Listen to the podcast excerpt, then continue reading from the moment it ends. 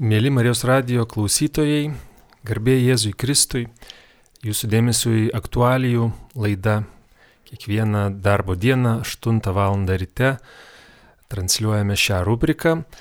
Šiandien laidos svečias rengimo šeimai asociacijos pirmininkas Ramūnas Aušrotas. Sveiki gyvi. Sveiki. Ir laidoje kalbėsime apie aktualiją Neseniai Seimas e, norėjo panaikinti nepilnamečių apsaugos nuo neigiamo viešosios informacijos poveikio įstatymo ketvirto straipsnio nuostatą, kuri draudžia skelbti nepilnamečiams informaciją, kuria niekinamos šeimos vertybės skatinama kitokia negu Lietuvos Respublikos konstitucijoje ir Lietuvos Respublikos civilinėme kodekse įtvirtinta santokos sudarimo ir šeimos kūrimo samprata. Gerbiamas Ramūnai, e, galbūt pačioj pradžioj galim prisiminti, kada šis įstatymas buvo priimtas ir galbūt e, jo galiojimo metu, kaip, kaip jis buvo taikytas, kokie buvo atvejai. Tai įstatymas buvo priimtas 2011 e, metais. Tiesa, buvo truputėlį griežtesnė įstatymo redakcija, kuri tiesiogiai draudė ir uh, homoseksualumo propagandą. Po to, sakykime, oponentai šitos redakcijos na, ieškojo užtarimo vakarų Europoje, kilo toks nedidukas skandalas. Ir tada buvo norma truputėlį pakoreguota ir suformuoluota dabartinė norma. Tai yra draudimas niekinti šeimos vertybės ir skatinti kitokią nei civiliniam kodekse ir konstitucinį numatytą šeimos sampratą. Čia reikia pastebėti, kad tuo metu, kai šitas procesas vyko, mes dar neturėjome 2019 metų Konstitucijos teismo nutarimo, kuris pasakė, kad šeima yra neutrali lyčiai. Ir, na, aišku, tai, ką jis pasakė, reikia skaityti kontekste, neišimant iš, iš konteksto.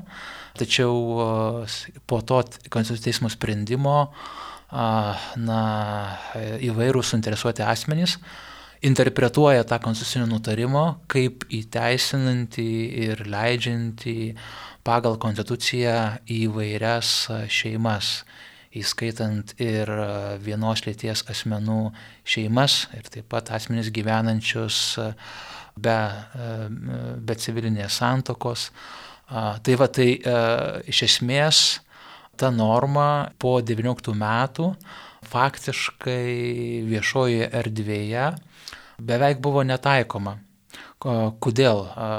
Vienas buvo precedentas 20 e, metais, 20 metų pabaigoje, kai pasirodė laida Gėjai tėčiai per Lietuvos nacionalinį transliuotoją. Ir akivaizdu, kad šita laida pačiu savo konceptu prieštaravo šitą įstatymo nuostatai. Laisvos visuomenės institutas padavė skundą Lietuvos ir radio komisijai, kuri atlieka kontrolės funkciją, kad atkreiptų dėmesį ir kad įpareigotų Lietuvos televiziją atitinkamai žymėti šitą laidą, nes laida buvo rodoma dienos metu, pagal įstatymą nepilnamečiams žalingą poveikį galinti daryti informacija turi būti rodoma vakarais ir turi būti žymima. Ir taip pat, kad būtų pažymėta. Ir vat būtent tos komisijos nagrinėjimo metu ir nuskambėjo tas pats argumentas, kurio komisija ir pasirėmė. Tai yra, kad na, Konstitucinis teismas yra išaiškinęs, kad yra šeima neutrali lyčiai. Ir ta įstatymo nuostata yra atgyvenusi, jinai yra neveiksni ir ją reikėtų pašalinti.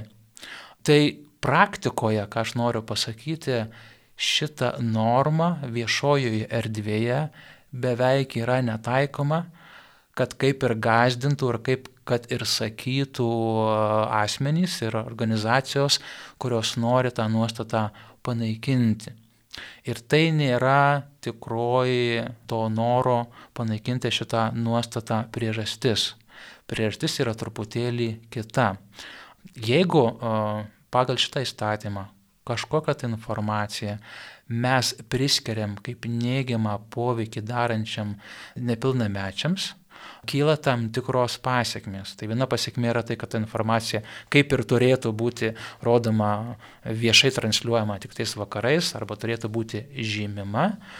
Ir dar viena tokia pasiekmė yra ta, kad pagal įstatymą 7 straipsnis numato, kad tokios informacijos negalima skleisti nepilnamečiams tiesiogiai. O viena iš tiesioginių veiklų yra būtent švietimo veikla.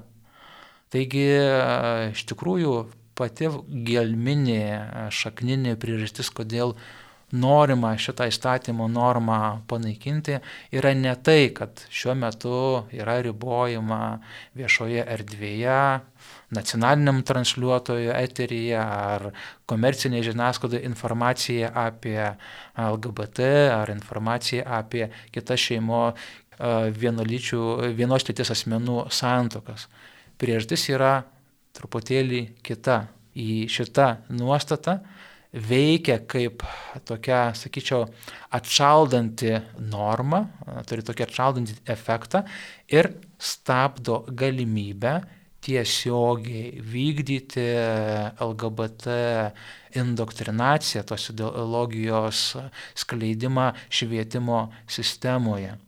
Ir šitą faktą asmeniškai man tiesioginėme eteryje ir pasakė Lietuvos gėjų lygos prezidentas Viktoras Simonko.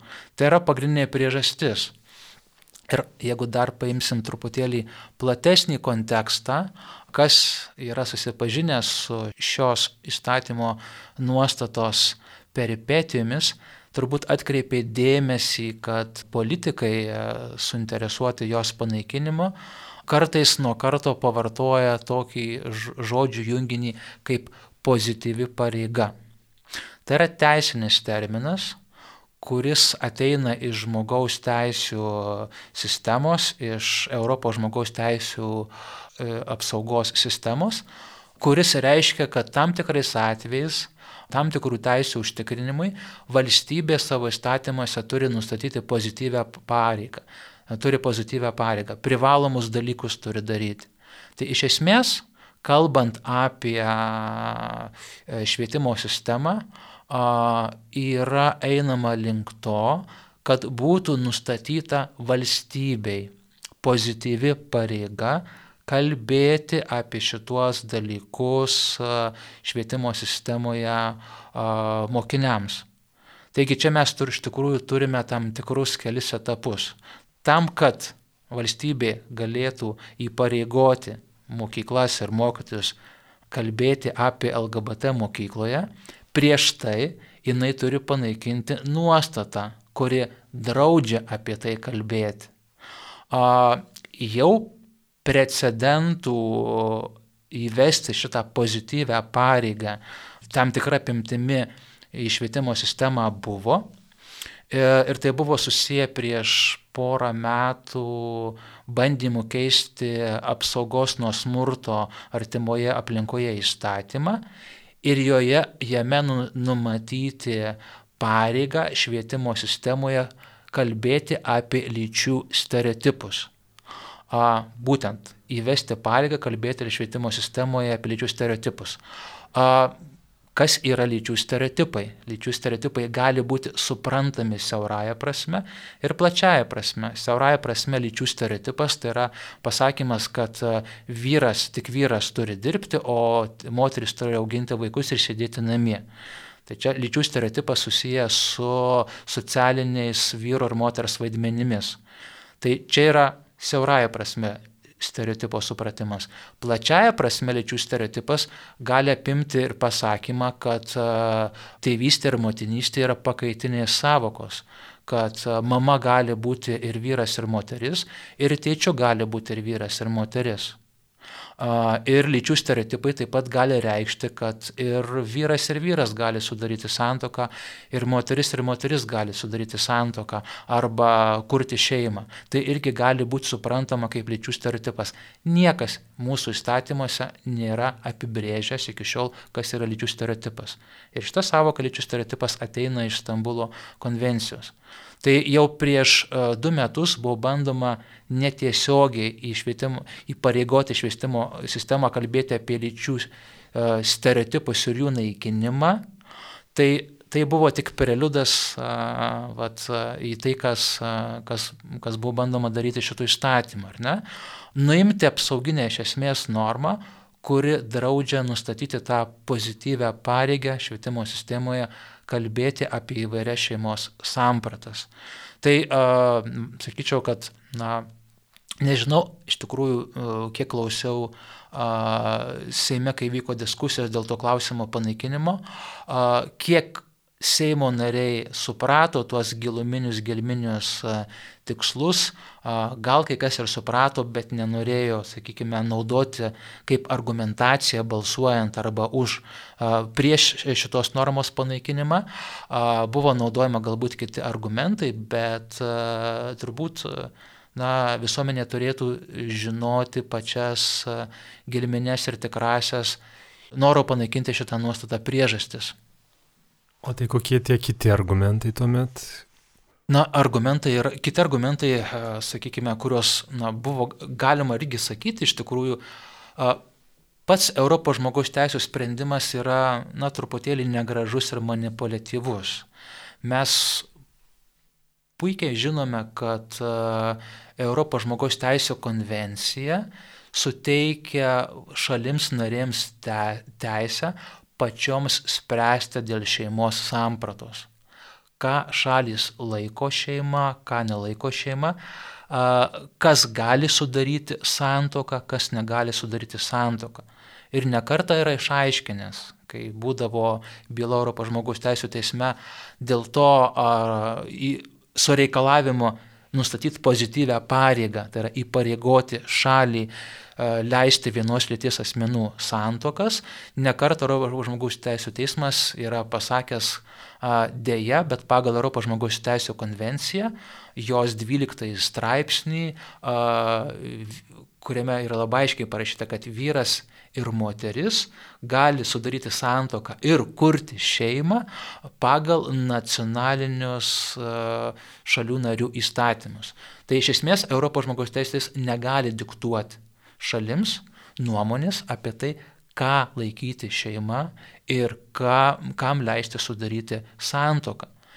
O šituo sprendimu netiesiogiai Lietuvos valstybė yra sprendžiama, spaudžiama į kampą atsisakyti savo pozicijos dėl to, kas yra šeima ir kas gali sudaryti santoką. Tai šitos normos išbraukimas būtų buvęs tam tikras moralinis kaip mūsų valstybės moralinis pralaimėjimas ir atsitraukimas ir pasakymas, na taip, e, mes priimame ES supratimą apie tai, kas yra šeima, kas yra santoka. Ir tas, tas iš tikrųjų buvo daroma tikrai taip nelabai, nelabai gražiai ir manipuliatyviai, sakyčiau, nes, nes nu, Klausimas ėjo apie saviraiškos laisvę, ar ne? A, reiškia, ar galima viešai kalbėti, reikšti savo nuomonę apie tai, kokios gali būti šeimos formos. Na, be abejo, tas dalykas yra galima ir demokratinė laisvoji valstybė, kiekvienas turi teisę reikšti savo nuomonę. Dabar klausimas, ar galima laikyti, kad ta informacija daro žalą nepilnamečių psichiniai raidai. Aš manyčiau, kad galima taip laikyti. Europos žmogaus teisų teismas su tuo dalyku nesutinka. Tada galima kelti klausimą, kodėl jis nesutinka. Todėl, kad iš esmės jisai mano, iš, iš, iš esmės jisai mano, kad šeimą, santoką sudaryti gali įvairių lyčių asmenys ir mano, kad šeima yra įvairūs socialiniai daliniai, dariniai. Tai va, tai ir, ir pats, pati teismo, sakykime, reiškia, tas žodynas arba frazuotės, kurios yra pasirinkamos, jos tikrai yra tokios tendencingos. Vat, pacituosiu, ne, kad šitas draudimas nepadeda siekti teisėtų moralės, veikatus ar kitų asmenų teisų apsaugos tikslų. Na, man atrodo, kad Lietuvos valstybė mano, kad yra teisėtas tikslas užtikrinti, kad jauni žmonės nebūtų klaidinami dėl lytiškumo ir šeimos sampratos. Ir tą ir tą normą ir nustato. Tai mano galvo tai yra teisėtas tikslas. Europos žmogaus teisų nuomonė teismo tai nėra teisėtas tikslas. Ir tai, kad Lietuva teikia, e, sakykime, pirmenybę vieniems santykių ir šeimų tipams, Europos žmogaus teisų nuomonė, tai yra įdinga praktika. Bet kalbant na, bendrojo gėrio prasme, tai turbūt čia yra valstybės ir visuomenės prerogatyva, kokiems bendro gyvenimo būdams teikti prerogatyvą ir kuriuos skatinti. Tai Lietuva tiek konstitucijoje, tiek civiliniam kodekse yra labai aiškiai pasirinkusi teikti prerogatyvą vyro ir, vyro ir moters pagrindų kuriamai santokiniai, santokiniai šeima. Tai sakyti, kad negali teikti tam tikros prerogatyvos, aš su tuo iš tikrųjų taip pat nesutikčiau. Taip pat teismas sako, kad na, tai, kad valstybė skatina santokinę šeimą, prigimtinę šeimą, tai kažkokiu tai būdu prisideda prie LGBT asmenų diskriminacijos. Čia, ką teismas naudoja, yra taip vadinamasis mažumos streso argumentas. Yra žinoma, tyrimai tai rodo sveikatos srityje, kad asmenys, kurie save identifikuoja su LGBT, jie iš tikrųjų turi prastesnę psichinę sveikatą. Yra keliamas klausimas, na, kodėl taip yra. Ir vienas iš tokių standartinių atsakymų yra tai, kad, na, jie, kadangi negali visuomenė laisvai būti, juos kreivai žiūri, juos diskriminuoja, jiems neleidžia sudaryti santokos arba partnerystės, tai sukelia jiems stresą ir nuo to blogėja jų psichinė sveikata.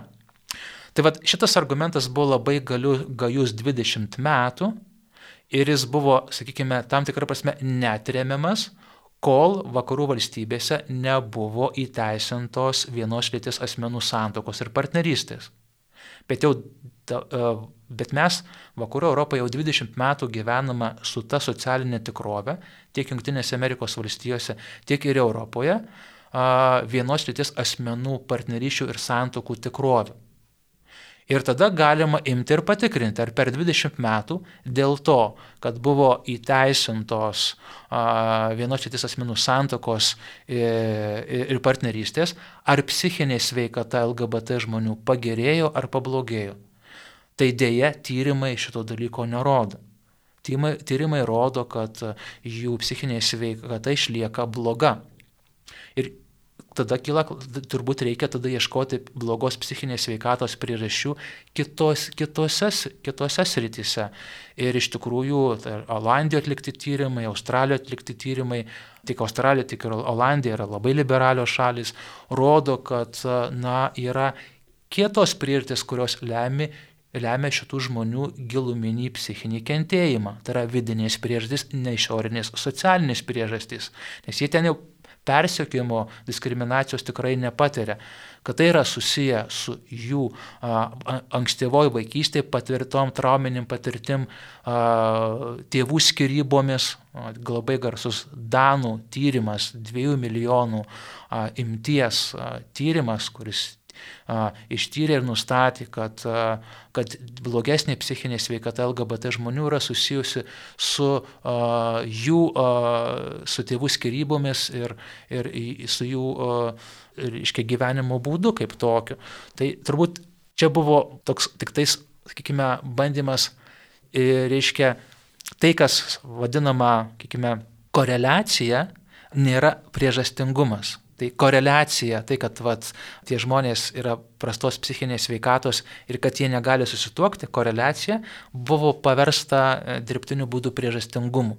tai moksliniai tyrimai to prejudicigumo nenustato, bet Europos žmogaus teisų teismas, jis cituoja, jis sako, kad, na, va, šita norma įtakoja stigmatizaciją, neturėdami jokių pag tai pagrindinčių epidemiologinių, a, epidemiologinių duomenų. Tai aš galėčiau čia vardinti ir vardinti ir vardinti, ar ne, bet gal dar vieną svarbų aspektą pasakysiu, na, reiškia, a, pats teismas savo byloje išėjo iš, a, a, kaip teisės, sakoma, ieškinio ribų.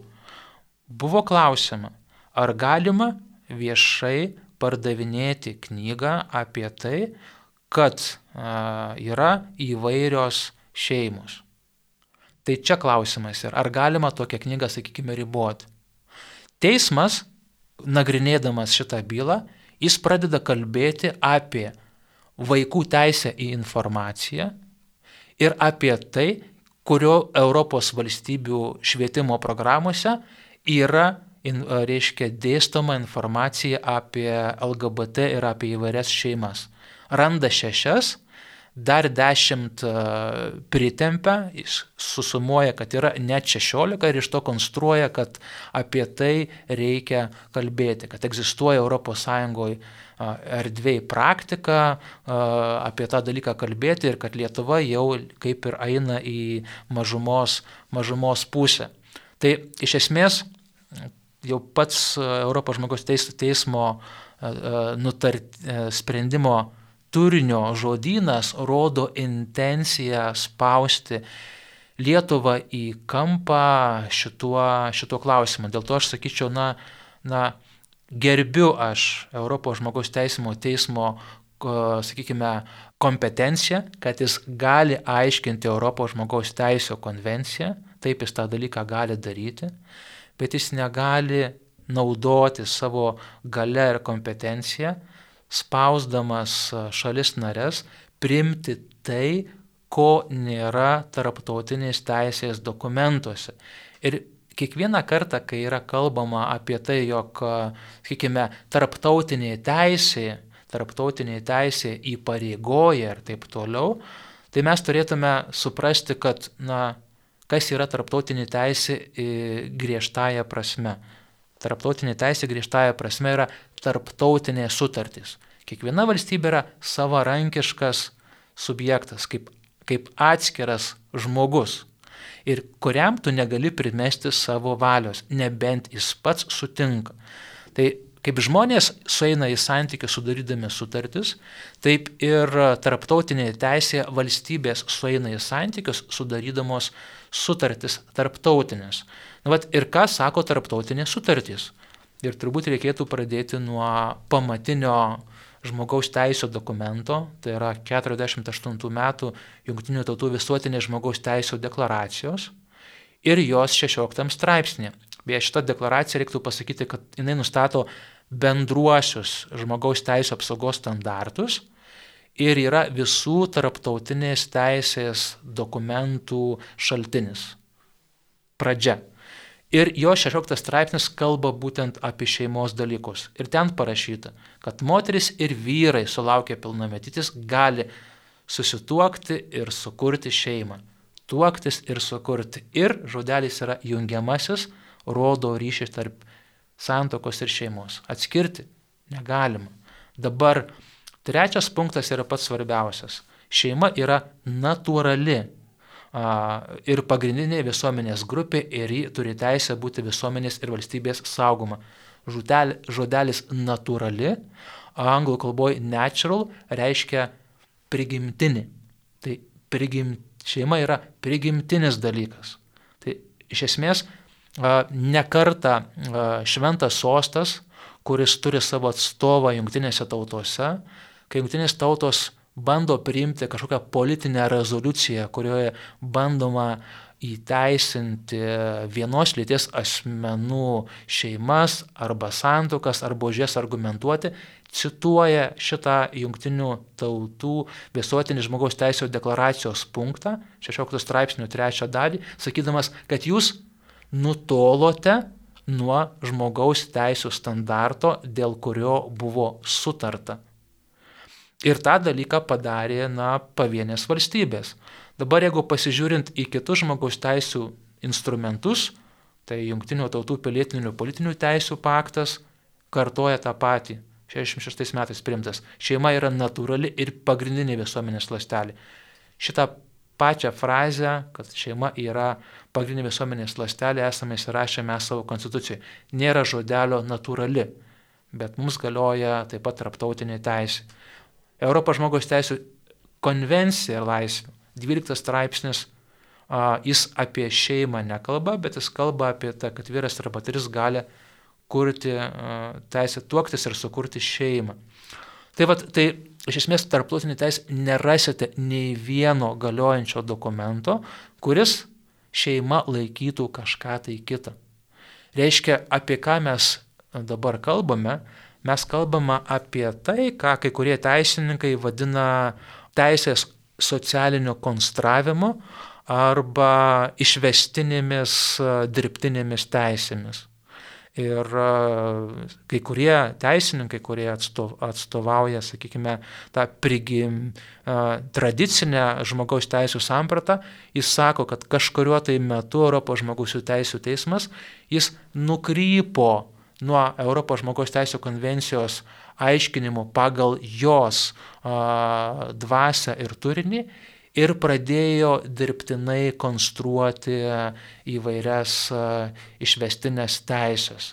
Tai, sakykime, su šito žmogaus teisų teismo sprendimu, kurį mes turime dabar prieš Lietuvą, Matsate prieš Lietuvą, jis atspindi vat, būtent šitą tendenciją konstruoti a, a, tam tikras dirbtinės žmogaus teisės, sakyti, kad tos dirbtinės žmogaus teisės ateina iš Europos žmogaus teisų konvencijos arba kitų tarptautinės teisės dokumentų, kas yra netiesa, ir bandyti įpareigoti valstybėms tuos dalykus primesti, jeigu valstybė savo noro tų dalykų nepriima. Tai tam tikra prasme tai yra teisminės valdžios tam tikras diktatas, su kuriuo mums tenka na, gyventi. Mėly klausytojai, šiandien laidoje svečiuojasi Rengimo šeimai asociacijos pirmininkas Ramūnas Aušrotas. Kalbame apie tai, kad neseniai Seimas norėjo panaikinti nepilnamečio apsaugos nuo neigiamos viešosios informacijos poveikio įstatymo ketvirto straipsnio nuostata, kuri draudžia skelbti nepilnamečiams informaciją kuria niekinamos šeimos vertybės, skatinama kitokia negu Konstitucijoje ir civilinėme kodekse įtvirtinta santokos sudarimo ir šeimos kūrimo samprata. E, gerbiamas Ramūnai, e, nuskambėjo e, mintis taip pat viešoje erdvėje, kad ši galiojanti įstatymo nuostata galioja tik Vengrijoje, dar vienoje šalyje ir na, yra atsilikusi, yra nevieninga su Europą. Kaip tai pakomentuotumėt?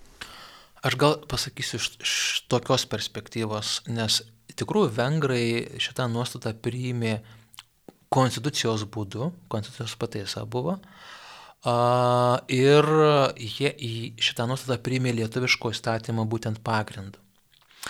Ir aišku, jie irgi susilaukė puolimo apie tai, kad jie pažydinėja homoseksualios asmenų teisės ir taip toliau.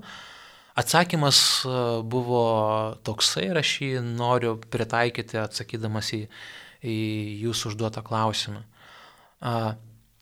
Tėvai turi teisę rūpintis savo vaikų lytiniu auklėjimu tai yra jų pirminė atsakomybė. Ne valstybė, ne visuomenė, bet tėvų. Iš esmės valstybė turi pareigą užtikrinti, va šitoje vietoje jinai turi pozityvę pareigą užtikrinti tėvų, užtikrinti tėvų teisę augdyti vaikus pagal savo dorovinius ir moralinius įsitikinimus, o ne primesti lytinį švietimą ir, e, ir E, LGBT indoktrinaciją mokyklose. Reikia suprasti, kad čia eina kova dabar tarp šitų dalykų. Ne apie kažkokį tai neutralų tarpinį variantą, bet būtent apie, apie šitą dalyką. Vienas momentas. Antras momentas - pati Vengrijos visuo, Vengrijoje yra galiojantis vienos lytis asmenų partnerystės įstatymas. Tie asmenys Vengrijoje gali gyventi, turi visas žmogaus teises ir netgi gali sudaryti partnerystę. Tai iš, esmės tai niekaip nėra susiję su tų žmonių teisų ribojimu. Tai yra susiję su tėvų teisė užtikrinti, kad be jų žinios, laisvos valios ir sutikimo jų vaikai nebūtų indoktrinuojami apie šitos dalykus. Toks būtų atsakymas. Kaip e, atsitiko, kad e, bandymas pakeisti šią įstatymo nuostatą nepavyko Seime? Aš manyčiau, čia suveikė e, du faktoriai. Tai pirmas faktorius, kuris turbūt suveikė, tai kad a, artėja, jau artėja rinkimai. Kitą metą mes turėsime tris rinkimus - Europos parlamento, prezidento ir, ir, ir Seimo galiausiai net ir prezidentas labai aiškiai pasakė, kad jis yra prieš šitos normos panaikinimą. Natūralu, kad politinės partijos, kurios galvoja apie išlikimą ir mato savo reitingus, jos irgi struktūruoja savo elgesį. Tai čia vienas momentas. Antras momentas, skirtingai nuo civilinės sąjungos įstatymų, kurio prieimimas ar nesakykime, sukuria tam tikras pozityves teisės ir pareigas valstybė, ar ne, registruoti vienos lyties asmenų partnerystės, o užtikrinti tam tikras teisės ir taip toliau. Šitos nuostatos panaikinimas arba nepanaikinimas, jisai realiai nieko nekeičia, kaip mes, mes jau kalbėjom. Ta prasme, kaip buvo, kaip gyvenom, taip ir gyvensim. O gyvenom šitoj atveju, sakykime, tos pusės, kuri mano, kad kažkas yra diskriminuojama, pakankamai gerai. Realiai, realiai tų, reiškia, baudimo, ribojimo arba cenzuravimo nebuvo. Tai Seimo nariai nekvailiai ir suprato, kad jeigu jie atsisakys pritarti šitam pasiūlymui, Pasme, neatsiras Lietuvoje cenzūra, neprasidės LGBT bendruomenės narių persiekimas ir nepasidės informacijos apie tai ribojamas viešoje erdvėje. Čia labai yra elementaru. Jie suprato, kad nebus jokio socialinio poveikio, jeigu nubalsuos jie taip. Ir trečias dalykas, kuris turbūt paveikė, tai manyčiau, kad čia ir lietuviškos, lietuviškos visuomenės mentalitetas arba bruožas ar ne, sakyčiau, suveikė tam tikras politikų unaras. Na, na šitoje vietoje buvo galima nerizikuojant sakyti, ne mes nesutinkame. Nes, nu, kokios bus to praktinės pasiekmes. Kažkokio tai Europos žmogus teisų teismas, ne, e, jisai aiškina Europos žmogaus teisų konvenciją. Konvencija yra Europos tarybos dokumentas, tai nėra Europos Sąjungos Reikia skirti Europos tarybą, kuria toks politinis valstybių bendradarbiavimas ir darinys nuo Europos Sąjungos, kurioje mes esame. Tai šitoje vietoje, jeigu, sakykime, valstybė atsisako pakeisti tą įstatymą, ką gali padaryti Europos taryba? Na, priimti eilinę rezoliuciją, kuriame, kuri yra pasmerkama Lietuva ir Vengrija. Ir viskas tuo baigėsi. Ir visi gerai tą dalyką žino. Skirtingai nuo ES, ar ne, kuri gali, sakykime, taikyti tam tikras sankcijas, jeigu valstybė nevykdo teismų reformos, neužtikrina teisės viršenybės, tada gali neduoti finansavimo ir panašiai ir panašiai. Tai skirtinga truputėlį situacija. Šitoje situacijoje gali pagrasinti pirštu e, e, Europos ministrų taryba, gali rezoliuciją bet na, niekaip negali valstybės suverenios priversti tą dalyką padaryti. Aišku, galim turbūt yra Europos taryba, Europos Sąjunga yra susisiekiantys indai, tai galima galvoti, manyti, kad kažkiek bus bandoma per Sąjungą tada dabar Lietuvą spausti, netiesioginiu būdu. Tai to galima tikėtis, bet duotojų momentu manau, kad šitos trys priežastys ir lėmė tą sprendimą, koks jisai, koks jisai buvo.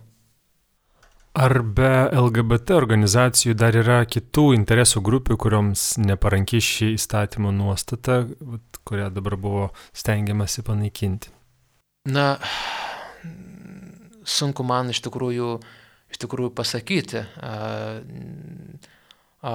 Visuomenės nuomonės apklausos dėl šitos nuotados panaikinimo rodo, kad didesnė visuomenės dalis yra linkusi, jog būtų šita, šita nuostata.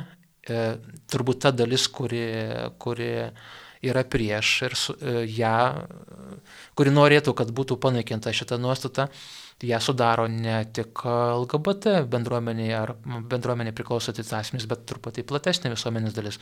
Bet lyginant su ta didžiaja visuomenės dalimi, vis tiek jų yra, jų yra mažiau. Taigi, rezumuojant, laidai baigiantis, kodėl turėtume vis tik priešintis bandymams panaikinti šio įstatymo nuostatą, kuri draudžia skelbti nepilnamečiams informaciją, kurią niekinamos šeimos vertybės skatinama kitokia negu Lietuvos Respublikos konstitucijoje ir civilinėme kodekse įtvirtinta santokos sudarimo ir šeimos kūrimo samprata.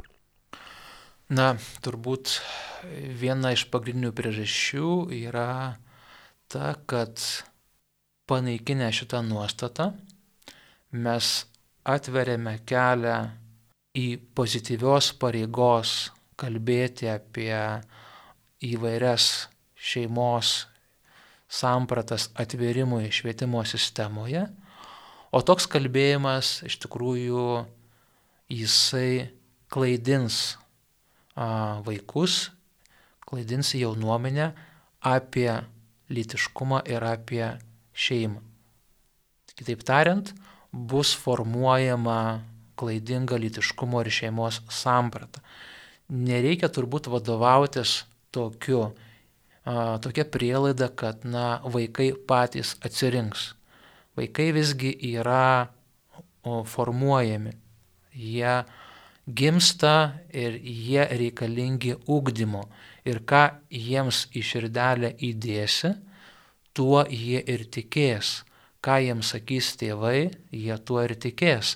Ką sakys mokytojai, ką sakys visuomenė, tuo jie ir tikės kol neįvyks asmeninė skaudi patirtis.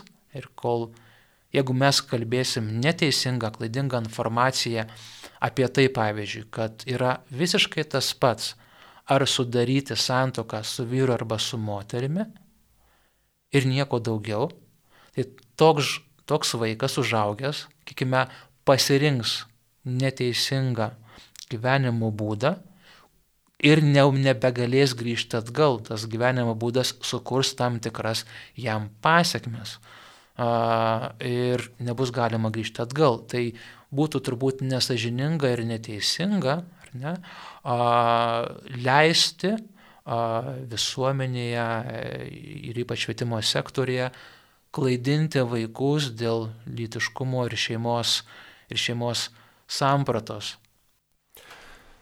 Mėly klausytojai, šiandien aktualijų laidoje svečiavosi Rengimo šeimai asociacijos pirmininkas Ramūnas Aušrutas. Kalbėjomės apie aktualiją, e, apie neseniai vykusi balsavimą Seime, kai buvo siekiama panaikinti nepilnamečio apsaugos nuo neigiamo viešosios informacijos poveikio įstatymo ketvirto straipsnio nuostatą. Dėkojame už dėmesį, Aš Rimas Macevičius, atsisveikiname iki kitų kartų. Su Dievu. Su Dievu.